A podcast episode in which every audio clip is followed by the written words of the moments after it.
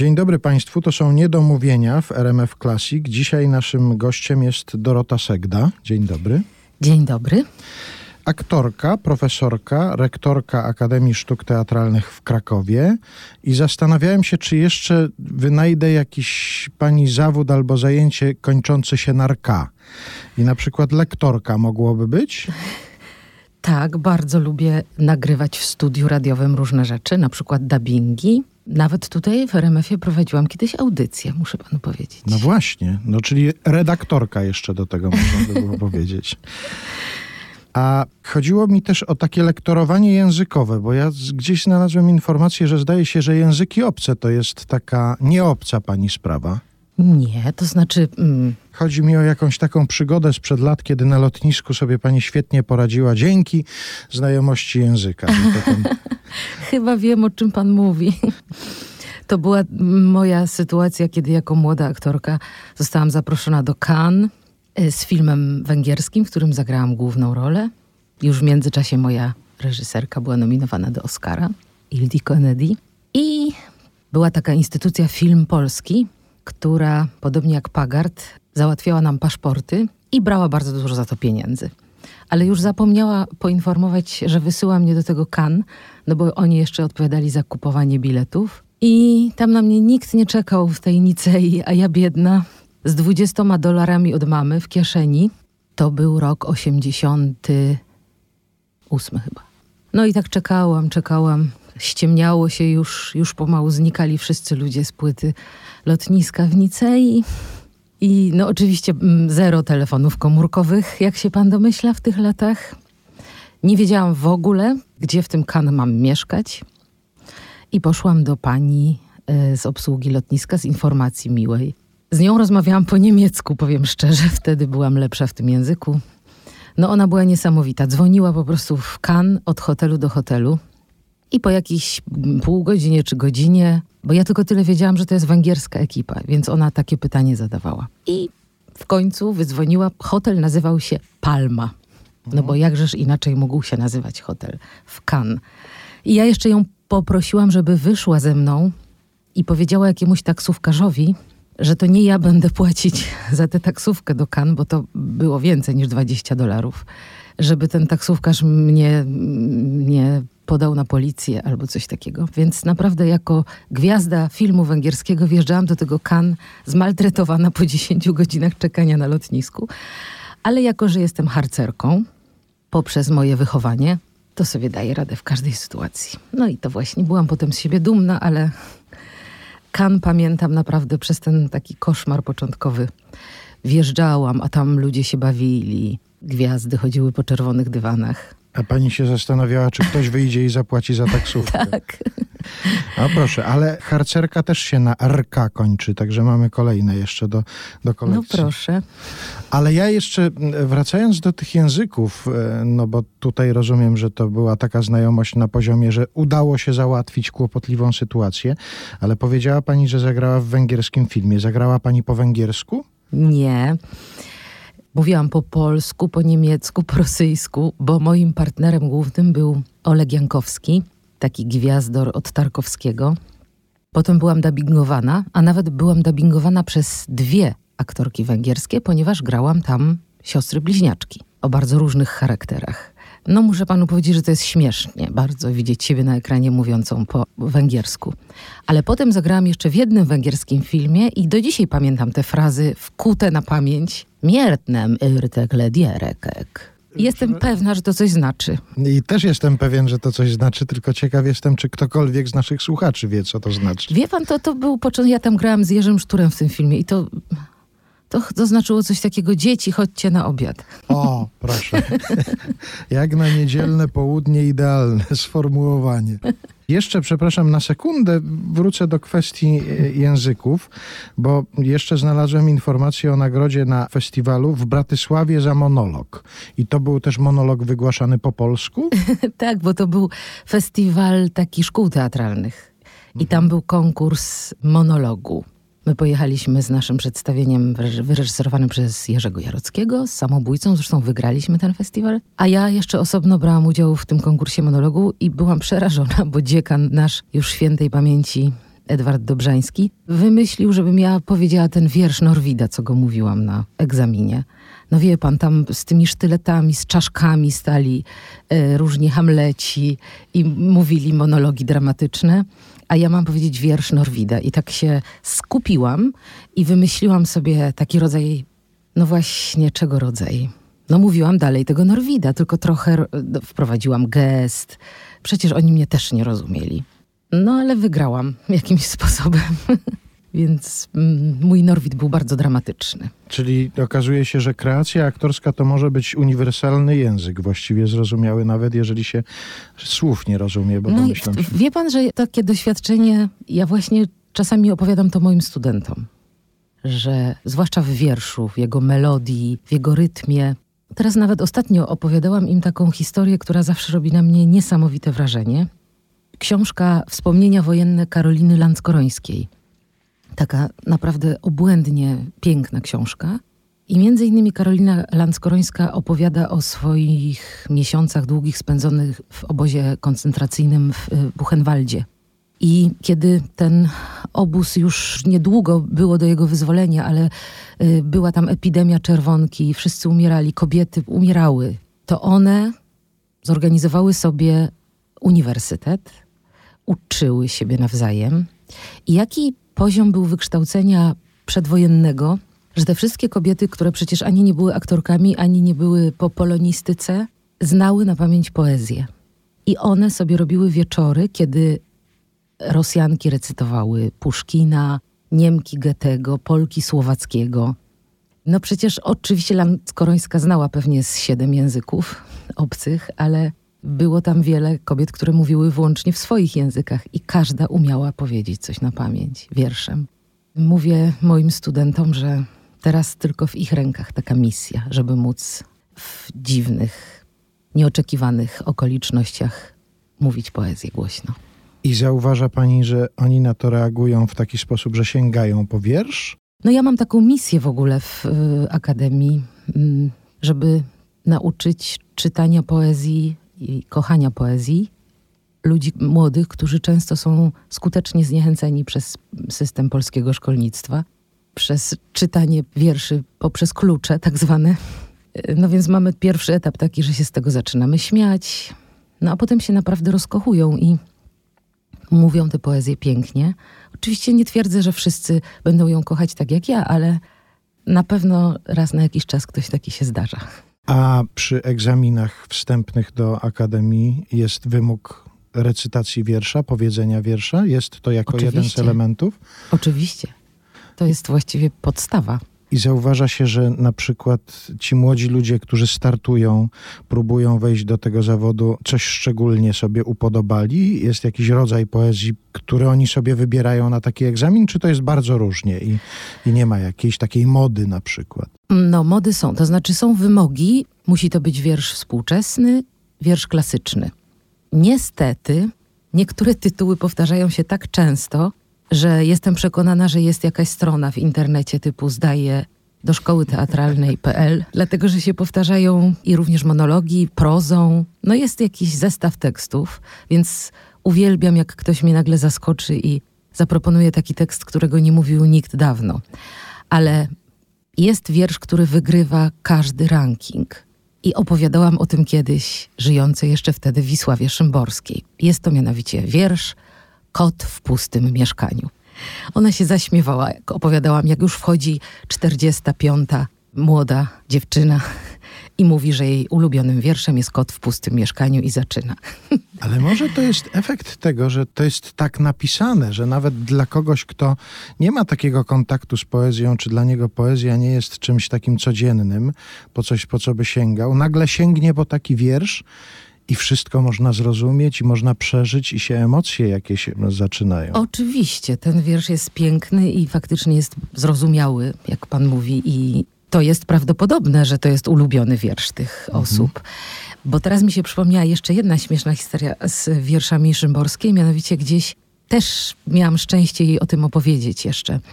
Gdzieś mówiłam w Gliwicach chyba, taki był wieczór poezji, w jakiej, takiej palmiarni jakiejś niesamowitej I tam mówiłam wiersze Szymborskiej, potem przychodzili ludzie po autografy i jakaś miła pani mówi, no, no było wszystko świetnie, wspaniale to było, tylko nie było tego wiersza, no, no wie pani, no tego, no naprawdę nie wiedziałam, ale jakiego? No tego głównego. I wie pan, jaki to był wiersz główny, którego nie przeczytałam? Nic dwa razy się nie zdarza? Tak, Piątkę pan ma u mnie, albo nawet celujące. Ale nie wiem, czy z wiersza, czy... Ale to nie wiem, czy tutaj to nie był efekt tego, że to przez piosenkę zostało tak spopularyzowane na przykład i że może to stąd było słyszane. Ale nazwać wiersz głównym... No, to jest, ten... to jest i dla poetki musiało być zaskoczenie, że publiczność już wyznaczyła, który wiersz jest główny, tak? No, dla mnie główny jest kot w puchcym mieszkaniu na pewno. Ze względu na to, ile razy go pani słyszała tak, prawdopodobnie. Tak, w ilu interpretacjach. A u pani, od czego u pani się zaczęło czytanie wierszy, słuchanie wierszy? Ktoś pani podsunął pierwszy tomik wierszy? Znaczy ja na pewno to gdzieś miałam zapisane. W genach, w gwiazdach, we krwi. Tak sobie myślę, że Miałam fajne polonistki, nawet w podstawówce. Pamiętam panią, nie widziałam jej od tego czasu. Mam nadzieję, że ma się dobrze. Nazywała się pani Grącka. I czytaliśmy po prostu wiersze i tak sobie o nich rozmawialiśmy. I to była podstawówka. Może, ponieważ ja wtedy zauważyłam, że uwielbiam je czytać na głos. Bo dla mnie to w ogóle jest podstawa, czytanie wierszy na głos. I wtedy jakoś zobaczyłam, że nie tylko, że mi to dobrze wychodzi, i zawsze byłam przez nią proszona, żeby przeczytać właśnie na początek ten wiersz, ale że mi to sprawia jakąś dziką przyjemność, jakieś otwiera we mnie metafizyczny świat, jak łączność z, z duszą własną. I potem to już też miałam dobrych polonistów w liceum, ale na, no najpierw jak to nastolatka, to czytałam Jasnorzewską, Pawlikowską, ale też i dość szybko się zakochałam w Herbercie. Jakoś po prostu nie wiem, no ludzie różne rzeczy lubią, prawda? A ja zawsze lubiłam czytać wiersze. I tak prawdę mówiąc, to decyzja o tym, żeby zostać aktorką, z tego się wzięła. Nie z chęci jechania do Cannes przez Nicę, tylko jakoś wiersze kojarzyły mi się z teatrem, z Jerzym Trelą, w którym się podkochiwałam, kiedy grał Konrada w Dziadach. Muszę zresztą powiedzieć panu i państwu, że u nas w Akademii w Krakowie otworzyliśmy scenę imienia Jerzego Treli. No proszę. No to chyba najlepsze miejsce do uczczenia aktora, pedagoga. Tak, to był tak piękny wieczór. Studenci zaprezentowali mm, niesamowity egzamin z piosenki, z sesji letniej. Myślę, że chyba go włączymy do repertuaru, bo jest tak piękny. Puściliśmy film, kiedy Jurek Trela gra Jaśka na niesamowitym jubileuszu uczelni sprzed pięciu lat. To było 75-lecie gdzie zjechało się kilkuset absolwentów i ja zrobiłam wesele z osiemdziesięcioma z nich. No było dużo ludzi i było tak, na pewno on to słyszał. Także teraz mm, będzie nas swoim ciepłem ogrzewał jeszcze bardziej. Dorota Segda dzisiaj u nas w Niedomówieniach w RMF Classic. Wspomniała Pani w taki wzruszający sposób Jerzego Trele i to, że został uczczony w Akademii Sztuk Teatralnych w Krakowie. To nazwisko już mi się pojawiło w przypadku rozmów z absolwentami krakowskiej szkoły. Właściwie wszyscy wspominają Jerzego Trele. Pamiętam Sonia Bohosiewicz chyba opowiadała kiedyś o tym, jakiej wskazówki udzielił jej Jerzy Trela gdzieś tak jeszcze w czasach studenckich, że zwrócił uwagę na jakiś zmysł aktorski u niej, bo zapytał ją, a skąd pani wie, że jak jest ciemno, to trzeba mówić głośniej. Ona mówi, że nie miała wtedy, jak usłyszała od profesora swojego coś takiego. A kto i co pani najwięcej powiedział o tym zawodzie? Mówię jeszcze o tych czasach, kiedy pani tego zawodu się uczyła, kiedy stawiała pierwsze kroki, bo zauważyłem, że często u ludzi zostaje na przykład takie albo jedno zdanie, albo wydarzenie jakieś, spotkanie gdzieś na scenie z kimś, ze swoim mistrzem. No tak, oczywiście byłam tak młodziutką osobą, nie mającą pojęcia o zawodzie, poza jakimś instynktem. Naprawdę niczego nie umiałam jeszcze. I miałam wspaniałych mistrzów. Nie uczył mnie Jurek Trela nigdy. Był moim rektorem, więc miałam szczęście. Potem z nim zagrałam setki, myślę, że tysiące przedstawień. Więc był moim mistrzem przez całe życie. Nawet jego syna zagrałam w Sędziach Wyspiańskiego. Natomiast w szkole mnie nie uczył i moim takim pierwszym mistrzem był Jan Peszek, którego uwielbialiśmy, który tak otworzył mi wyobraźnię i nauczył takiej umiejętności no, improwizacji w teatrze, mm, jakiejś takiej gotowości wskakiwania w rolę, w przedstawienie ze swoją osobowością. To było naprawdę niesamowite, ta jego szkoła, takiej gimnastyki bym to nazwała. Ale też robiliśmy takie rzeczy bardzo trudne, na przykład dla mnie wtedy, kto się boi Virginia Woolf, sztuka, która wymagała takiej ogromnej dojrzałości, bo ona sięga jakiegoś dna ludzkiego. Ja miałam 18 lat i naprawdę to moje dno było jeszcze bardzo płyciutkie. No i dość mocno mnie wtedy przeczołgał. Tak sobie nawet myślę, że może dzisiaj byłoby to uznane za przemoc. Ludzie są po prostu dużo bardziej delikatni. Przy czym nigdy w życiu nie powiedziałabym, że to była przemoc i mnie to bardzo, bardzo dużo nauczyło. Naprawdę Jan Peszek był moim mistrzem. A potem drugim moim mistrzem, już później zahaczyliśmy o teatr bardzo poważnie, był Jerzy Jarocki, który uczył czegoś zupełnie innego, od zupełnie innej strony zabierał się do sprawy, czyli od tekstu, od słowa. Jakoś mi się te dwie szkoły tak fajnie we krwi połączyły. Mhm. Przeczytałem rozmowę z panią i tam na pytanie, więc ten zawód to czasem naprawdę pot, łzy i krew, znak zapytania, odpowiada pani, może nie dosłownie, ale na pewno burząca się krew, a do tego nieprzespane noce. Ja o tych nieprzespanych nocach chciałbym z panią porozmawiać. Czy więcej jest ich z powodów aktorskich czy rektorskich? Oj, no przez ostatnie lata z powodów rektorskich, z całą pewnością. Bo z powodów aktorskich te nieprzespane noce to może nie dlatego, że ja coś strasznie przeżywam, tylko po prostu się tak rozkręcam, kiedy gram fajne przedstawienie i taki mam charakter, że trudno mi się po prostu wyciszyć. Zwłaszcza jeżeli to jest super przedstawienie właśnie i mnie wznosi na jakieś moje wysokie C, to wtedy mi się po prostu chce żyć, a nie spać. Natomiast te nieprzespane noce z powodów rektorskich, no to jest inna kategoria. To jest ciągle bardzo dużo problemów i nie ukrywam, że budzę się w nocy i, i nie potrafię o nich zapomnieć. A wyobrażała sobie pani, kiedy obejmowała pani te funkcje, że to będzie trudny kawałek chleba, że to. Był we mnie jakiś lęk i ciekawość. Władza nigdy nie była moim celem, ani nawet marzeniem. Jakoś mnie do tego przekonali studenci i koledzy. Śmiałam się, bo kiedy byłam tą osiemnastoletnią studentką, to byłam grupową. I moi dużo starsi koledzy zawsze do mnie mówili szefowa. Więc chyba gdzieś zostałam naznaczona ale to wszystko, co się wydarzyło przez ostatnie 5-6 już właściwie lat, zaczynało się cudownie. Po prostu zaczęłam realizować swoje marzenia, jak powinna wyglądać ta uczelnia. Zorganizowałam ten jubileusz, o którym już dzisiaj wspomniałam, który był no jakimś świętem nie mającym sobie równych. A potem już było coraz, coraz trudniej. I to jest dużo takich problemów, o których nawet chyba nie chciałabym mówić na antenie, no bo one są często no, tyczą takich różnych wewnętrznych problemów uczelni. Mhm. No bardzo dużo tego było przez te lata. Mhm. Potem przyszła wojna, jak już jeszcze skończył się lockdown i konieczność zapewniania zajęć online w uczelni, która do tej pory nawet Wi-Fi miała słabe w niektórych budynkach. Nie było to konieczne. I też sobie z tym poradziłam i to bardzo szybko. I te nasze zajęcia były. Oczywiście trwało to za długo, ale gdyby trwało tylko te pierwsze dwa miesiące, to one były nawet bardzo interesujące. Szczyt kreatywności wszystkich po obu stronach ekranu. Ja robiłam właśnie wtedy ze studentami wesele i miałam na przykład pannę młodą w Stargardzie Szczecińskim, Chochoła na Podlasiu, Jaśka w Białym Stoku, każdy był gdzie indziej. I to było niesamowite, bo jak Jasiek, kiedy już mieliśmy taki egzaminacyjny dołączyli się do nas w sieci różni pedagodzy, a oni byli tam, gdzie są i po prostu tu i teraz zdawaliśmy egzamin, gadaliśmy tym weselem. I Jasiek krzyczał: Chyćcie broni, chyćcie koni z Białego Stoku, a Kasia z Podlasia miała otwarte okno. Ona grała chochoła. I nagle słyszymy koguta. A Jasiek, jak wiemy, dochodzi do momentu, kiedy krzyczy, że pieje kur, pieje kur. I ten kur pieje. Co się dzieje?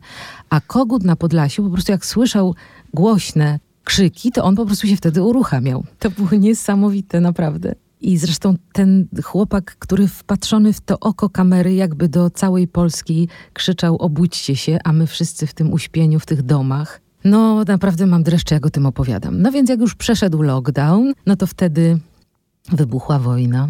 Przyjęliśmy uchodźczynie właściwie, bo to były głównie kobiety z dziećmi, które mieszkały przez kilka miesięcy na sali gimnastycznej. Cudownie zachowywali się wszyscy na uczelni, studenci opiekowali się nimi od pierwszego dnia. Zorganizowali koncert, zebrali mnóstwo pieniędzy, no 100 tysięcy złotych. Także wydarzyły się takie rzeczy niezwykłe zupełnie, no ale oczywiście smutek. Smutek, ale też pewnie pani zauważyła, bo domyślam się, że takie przeżycia, one jeszcze bardziej łączą ludzi. Czy nie zauważyła pani, że studenci na przykład przez to czują się bardziej ze sobą związani? Na pewno, na pewno tak. Po tych lockdownach, bo słyszę, że są takie kierunki studiów, że studenci w ogóle nie chcą wracać na studia. Nie mogę tego zrozumieć że się nie chce spotykać z ludźmi i nie chce się zaznać tego życia w innym mieście, no, często w innym mieście. Coś się zmieniło, ale na pewno nie zmieniło się u nas na uczelni. To znaczy po prostu wszyscy się rzucili na siebie, dorwali się do siebie i ten koncert na pewno ich bardzo zbliżył i cała ta sytuacja. Odpukać. Mam wrażenie, że mamy ze sobą świetne relacje i, i że się nawzajem bardzo szanujemy. Zresztą teraz były premiery dyplomów tego takiego najbardziej poszkodowanego rocznika i zapewniam pana i państwa, że nie widać, że to są studenci, którzy by coś stracili. Ich warsztat i ich pasja są naprawdę na najwyższym poziomie. To jest pocieszające, że, że no, coś tam stracili, ale może też zyskali w takim sensie, że doznając czegoś trudnego, czegoś niespodziewanego, po pierwsze, że musieli na to zareagować, dostosować się, no i przeżyć coś, co w ich aktorskim doświadczeniu może kiedyś zabłysnąć jak gwiazda. Ja sobie w ogóle pomyślałem o tym, że słuchając tego, co pani opowiadała o tym dyplomie online, że kto wie, czy to by nie był pomysł na to, żeby zostawić taki jeden element. Nie wiem, pod hasłem Jasiek z Podlasia na przykład i żeby raz na jakiś czas jednak musieli się w oderwaniu od publiczności nagle znaleźć w takiej internetowej rzeczywistości i pokazać, że tam też potrafią, że tam też jest teatr na przykład i że wystarczy otworzyć okno i uruchomić koguta. tak. No, muszę powiedzieć, że właśnie na jakiś czas przechodzimy na online z powodów zupełnie innych niż pandemia. No te 10 dni przed świętami i potem kilka dni do Trzech Króli. No bo musimy odłączyć prąd po prostu. Przynajmniej zmniejszyć to ogrzewanie, żeby chociaż trochę zaoszczędzić. Oczywiście teraz nie ma wymogu siedzenia w domu, więc y, szukam sobie studenci, pedagodzy miejsc różnych, gdzie by można się spotkać. Ja jestem umówiona ze studentami, co będziemy robić online, a akurat właśnie uczę wiersza w tym semestrze i mam to już jakoś wypracowane. Więc będziemy na przykład online robić sonety Mickiewicza. Dorota Segda dzisiaj u nas w Niedomówieniach w RMF Classic. Pojawiły nam się w rozmowie takie odniesienia do współczesności, trochę współczesności z konieczności, no bo tak jak powiedzieliśmy, pewnie nikt by się tego zawodu nie uczył online, gdyby sytuacja go nie zmusiła do tego, ale też zauważyłem, że ta współczesność już w zawodzie aktorskim przecież funkcjonuje od jakiegoś czasu. Ja w jakiejś rozmowie z panią znalazłem takie określenie self-tape Zdaje się, że to teraz aktorowi nie jest to obce pojęcie. No, chyba częściej nawet teraz się nagrywa te self-tape'y niż jeździ się na castingi. Ja za tym nie przepadam, ale za castingami też nie przepadam, więc. Ale są aktorzy, którzy się w tym naprawdę wyspecjalizowali. Mają specjalną kamerkę, specjalne miejsce w domu z ścianą taką neutralną, powiedzmy. Nawet mają kolegów czy operatorów, którzy im to nagrywają, no i potem dostają na tej podstawie świetne role. Wytłumaczmy tylko, to jest taka sytuacja, że aktor musi jakiś fragment roli sam sobie nagrać w domu i wysłać do produkcji filmu na przykład. Tak, ewentualnie z osobą, która z nim dialoguje za kamery. Też ma pani za sobą takie doświadczenie? No właśnie raz mi się to zdarzyło, troszkę bez wiary to robiłam. I tę rolę na szczęście zagrała Dorotka Pomykała, bo mówię na szczęście, bo widziałam trzy dni temu film Kobieta na dachu i ona jest tam po prostu genialna. To była rola dla niej, nie dla mnie. Mhm. Ale wsławiłam się nagraniem self-tape'a i tak czekałam nawet na ten monolog, ale on nie nastąpił, bo wycięto go w montażu. Ciekawa byłam, jak ona go powie. A jeszcze wracając do takich umiejętności czy wiedzy, którą powinno się zdobywać w czasie studiów aktorskich w Akademii, na przykład w Akademii Sztuk Teatralnych, czy nie uważa pani, że powinno być, nie wiem jak nazwać ten przedmiot, ale powinien się pojawić taki przedmiot jak na przykład teoria i historia bufetu teatralnego? tak, oczywiście, że tak. Ja zawsze powtarzałam, że taki właśnie Jerzy Trela to jest w Starym Teatrze potrzebny nie tylko po to, żeby grać genialne role na scenie, ale żeby w bufecie młodzi aktorzy widzieli, jak można się zachowywać. Jak ważny może być bufet dla społeczności. Mm. Och, ile ja rzeczy widziałam w bufecie teatralnym. Śmiesznych i trudnych, i to jest ten bufet Starego Teatru, tak? To tak. o tym bufecie pani mówi? Tak, była tam, były, jakie tam były awantury, jakie dyskusje. Nawet jedna pani dyrektor wsławiła się, że zabrała aktorom telewizor. I to była w ogóle afera na całą Polskę. Chciała dobrze, ale był to ruch. I to wcale nie znaczy, że ten telewizor bezustannie chodzi w bufecie i wszyscy między scenami sobie oglądają, tylko on sobie na ogół stoi wyłączony. Natomiast zabrać dorosłym ludziom telewizor. To był po prostu bunt jak w przedszkolu, mm, bez kompotu, nie wiem. A nasz bufet w ogóle w Starym Teatrze mm, nazywa się imienia Jaracza, bo tam można palić. A, no właśnie. Tak. imienia Dymnej i Jaracza. No to przypomina mi się tutaj od razu, że też kiedyś został, zdaje się, przez Leszka Niedzielskiego z kabaretu Elita sformułowany krakowski zestaw przeciwpożarowy, czyli to Piasecki, Skrzynecki, Wodecki. Także troszkę takich tradycji w tego typu zjawiskach macie, ale rzeczywiście, no bufet to jest tak ważna rzecz, przecież tam się dzieją rzeczy twórcze, no tam się dyskutuje o roli. To ja pamiętam zresztą instytucję bufetu w radiu, to też była bardzo zawsze, już nie mówiąc o tym, że parę razy spowodowało zamieszanie programowe, gdyż parę osób musiało przejść na zwolnienie lekarskie na przykład po zjedzeniu czegoś w takim bufecie, ale to już abstrahujmy od takich rzeczy, natomiast rzeczywiście miejsce spotkania i dyskusji towarzyskich, e, różnych zawirowań. No, myśmy mieli przez lata, lata, nie wiem, 30 albo więcej lat panią Zosię. No to ona była autentyczną dyrektorką teatru, można powiedzieć. Wszystko wiedziała i od razu, kiedy bufet mówi, że to jest dobre przedstawienie, to oczywiste jest, że to jest dobre przedstawienie i na to będą chodzić ludzie. No to dlatego podpowiadam, że jakiś taki przedmiot, seminarium, teoria i historia bufetu teatralnego to jest naprawdę do wprowadzenia. Ale teraz jest, zdaje się, ciekawa książka. Mój mąż ją zaczął czytać, ale o Spatifie, warszawskim Spatifie. To co prawda nie bufet teatralny, ale tam sporo się działo rzeczy podobnych, to znaczy przed przedstawieniem i po przedstawieniu. Ja w Spatifie warszawskim nigdy nie byłam, ale sama znam kilka anegdot. A to może jakaś się przypomni teraz, taka do publikacji. One zawsze mają procenty y, w podtekście, więc ja tutaj nie będę kolportować. Jeszcze spojrzałem w różne informacje na temat pani zawodowej kariery i zaczyna się właściwie to myślenie o tym zawodzie od płomyczka i od zdjęć Nel z pustyni i w puszczy. Wycinała pani te zdjęcia. Ona była pani idolką, tak? Tak, tak, tak. I powiedziałam, że z powodu wierszy zostałam aktorką, ale właściwie to chyba skłamałam, bo pierwsze te myśli to były właśnie wtedy, kiedy pojawił się film w pustyni i w puszczy, ten stary jeszcze film z lat wczesnych 70. No i ja nie mogłam zrozumieć, dlaczego to ja nie zagrałam Nel. Do dzisiaj tego nie rozumiem. Jedyne, co usprawiedliwia reżysera, to to, że ja byłam za młoda po prostu. Ja byłam w wieku odpowiednim, kiedy ten film się już ukazał, no, czyli byłam za młoda, no. Ale wycinałam zdjęcia, rozmawiałam ze słoniem w łazience. Miała pani słonia w łazience? To naprawdę stawałam przed lustrem i mówiłam: Dzień dobry, kochany słoniu, prawda, że ty mi nie zrobisz nic złego?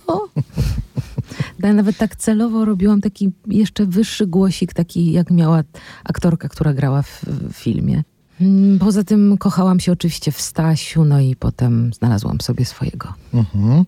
A zdarzyło się pani spotkać kiedyś odtwórczynię Rolinel? Nie, nie. Ona chyba nie została aktorką. Pianistką jest, tak. I rzeczywiście inna kariera, ale myślałem, że może gdzieś tak kiedyś zawodowe losy e, spowodowały. Nie, ale byłam jeszcze na studiach. Wtedy w ogóle wyglądałam jak taki 14-letni chłopczyk. Miałam króciutkie włoski, białe i jechałam w pociągu I to było piękne, bo jakaś obca mi osoba powiedziała, że ja powinnam zagrać Nel w pustyni i w puszczy. A to była osoba, która nawet nie wiedziała, że ja studiuję w szkole teatralnej. Więc no co panu będę mówić? No, coś takiego usłyszeć. Cały ten żal wrócił. Teraz jest moda na takie powroty przecież do różnych filmów, przebojów filmowych. Gdyby tak nagrać w pustyni i w puszczy dwa. Tak, w 50 lat później. No to proszę bardzo, to jest już kandydatka. Nel kontratakuje. Już mamy parę pomysłów scenariuszowych. No. 20 lat temu powiedziała pani w jakimś wywiadzie, jeżdżąc po Krakowie najczęściej korzystam z roweru. To się zmieniło, czy nie? Nie, ja tutaj w ogóle blisko. Mieszkam kopca Kościuszki, blisko Rudawy, Błoń, więc mam taki wiejski troszkę pejzaż, pomimo że blisko centrum i mam super drogę rowerową. Ale przyznam się szczerze, że teraz, kiedy jest tak paskudnie, leje i zimno, to wtedy odstawiam ten rower na miesiące zimowe. Mhm. Ale do pracy pani jeździ? Pani rektor przyjeżdża czasem do pracy rowerem? Na rowerze? Tak, tak. zawsze, całe lato. Nawet mieliśmy taką akcję, którą y, chyba miasto Kraków ogłosiło rowerem do pracy. I nasza uczelnia brała w tym udział. Podliczaliśmy sobie kilometry, które przejechaliśmy, i w jednym miesiącu dostałam nagrodę bilety do kina w drugim jakiś tam bon na Allegro, więc nawet y, takie były nagrody. Proszę Czyli to się opłaca w ogóle po tak. Krakowie jeździć rowerem. tak. Już nie mówiąc o tym, że potem poetki uwieczniają to w wierszach, na przykład Serca na rowerach Ewa Lipska, także to wszystko się wiąże jakoś. No, a mój rower, mój rower ma 25 lat i go kocham. I gdyby mi ukradli samochód, no to pomyślałabym sobie, trudno tam, pal 6, ale tego roweru bym nie darowała. Nie wiem, czy to dobrze, że taka informacja padła na antenie. No właśnie. Różne, różne, środowiska mogą się różnie teraz zachować, ale miejmy nadzieję, że kulturalna publiczność RMF Classic nie wypuści tej informacji nigdzie dalej. No właśnie, ugryzłam się w język, ale w radiu to za późno. I jeszcze wracając do tego od czego zaczęliśmy właściwie naszą rozmowę, czyli czytania wierszy. Powiedziała pani, że uczy pani czytania wierszy, że sama pani lubi czytać wiersze i to na głos. Przede wszystkim musi być wiersz czytany na głos. A chciałem zapytać, jak to jest z pisaniem? Pisze pani wiersze? Pisała mm. pani wiersze kiedyś? Chyba muszę się posłużyć tekstem Wyspiańskiego. Gust ten właśnie wielki miałam, żeby nie pisać. Lichą formą się brzydzę. Grałam kiedyś Rachelę, a to ona tak odpowiada na to pytanie. Nie, wie pan, nie. Lubię w ogóle bardzo pisać, sprawia mi to przyjemność, ale nie wierszem. Mm, nigdy mnie do tego nie ciągnął. Znaczy, może tam przez chwileczkę, ale od razu widziałam, że to nie jest to. Takiej potrzeby nie mam.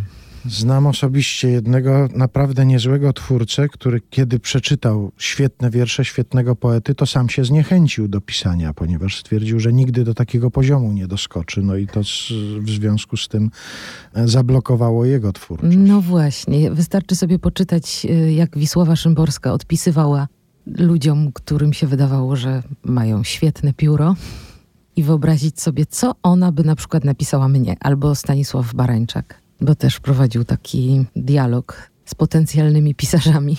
No chyba, żeby pani Wisławie Szymborskiej przyniosła swój wiersz i powiedziała, że to jest mój główny wiersz. no właśnie, no. Tylko który byłby mój główny? by publiczność ustaliła, który jest główny. A miały panie okazję często się spotykać? Gdzie się panie spotykały? W Krakowie. To wiadomo, tak. No bo Kraków to wie pan jest takie miasto nieduże, tu się wszyscy znają. Prawdę mówiąc, przez Jerzego Ilga, wieloletniego redaktora naczelnego znaku, który się przyjaźnił z Wisławą Szymborską i jakoś u niego y, się spotykałyśmy z panią Wisławą, która była uroczą, cudowną kumpelą, można powiedzieć. Zawsze przynosiła, wymyślała jakieś fanty i w ogóle się z nią cudownie rozmawiało. Zaśmiewała się. A ma pani jakieś pamiątki takie osobiste po Wisławie Szymborskiej? Nie, nie, tylko ją noszę w sercu. Ja, ja mam ze sobą taki właściwie kłopot, że ja mam taki w sobie jakiś hmm, ładunek albo zmysł, albo nie wiem jak to nazwać, antyarchiwistyczny. Ja nawet swoich zdjęć nie zbieram. Mam je w jakimś bałaganie, nie wiem gdzie które jest, jak potrzebuję znaleźć, to nie mogę. Jakby nie przywiązuję do tego wagi. Potem czasami, gdyby mi to ktoś na przykład uporządkował, to bym to lubiła. Ale ja się tym jakoś w ogóle nie zajmuję. Dlatego też pewnie dostawałam dużo autografów, ale miło jest, kiedy na przykład wyciągnie się jakąś książkę z mojej pokaźnej biblioteki i przez przypadek się tam znajdzie jakieś zapisane słowo. Ale to zawsze jest niespodzianka i odkrycie. Czyli tych zdjęć Nel z pustyni i w puszczy też już pani nie ma. No nie mam. Nie mam. No to czekamy na nowe zdjęcia, bo już ustaliliśmy, że polecamy reżyserom powrót do tego i obsadzenie Doroty Segdy w roli Nel po latach. Ale to już wie pan, teraz mi się przypomniało, że ja to kiedyś zdradziłam Andrzejowi Wajdzie tę moją historię z Nel, której nie zagrałam, a on powiedział, Dorotko, trzeba było powiedzieć, wcisnęlibyśmy panią jakoś. ale on to powiedział, bo wtedy pokazał się taki no, nowszy film o w pustyni i w puszczy. I ja mu chyba właśnie mówiłam, znowu nie zagrałam. Powiedział, wcisnęlibyśmy panią. Teraz sobie wyobrażam, jak ta kilkuletnia Dorota Segda przychodzi do Andrzeja Wajdy wtedy właśnie gdzieś tam na początku lat 70. i mówi, niech mnie pan wciśnie do tamtego filmu, bo by mi zależało, a ja kiedyś będę rektorką Akademii w Krakowie. Tak. To chyba nikt by nie uwierzył, bo ja byłam jako dzieciątko takie cielątko. Moja mama zawsze mówi, że nie może zrozumieć, gdzie się we mnie takie znalazły siły organizacyjne i tak jakaś, i w ogóle siły. Że byłam raczej taka w ostatniej parze i nieśmiała dziewczynka. No to ja życzę, żeby tych sił było jak najwięcej, bo zdaje się, że Przyda się. krakowskiej szkole i szkołom artystycznym w Polsce i w ogóle chyba wielu Polakom przyda się dużo siły teraz. Także życzę tej siły. Ja, ja panu również życzę i państwu. Bardzo dziękuję za rozmowę. Myślę, Dziękuję że, bardzo. myślę, że studenci Akademii Sztuk Teatralnych w Krakowie będą zachwyceni, jak dowiedzą się z tej audycji, że ich rektorka kiedyś w łazience rozmawiała ze słoniem. To jest bardzo ważna informacja. Bardzo dziękuję. Dziękuję.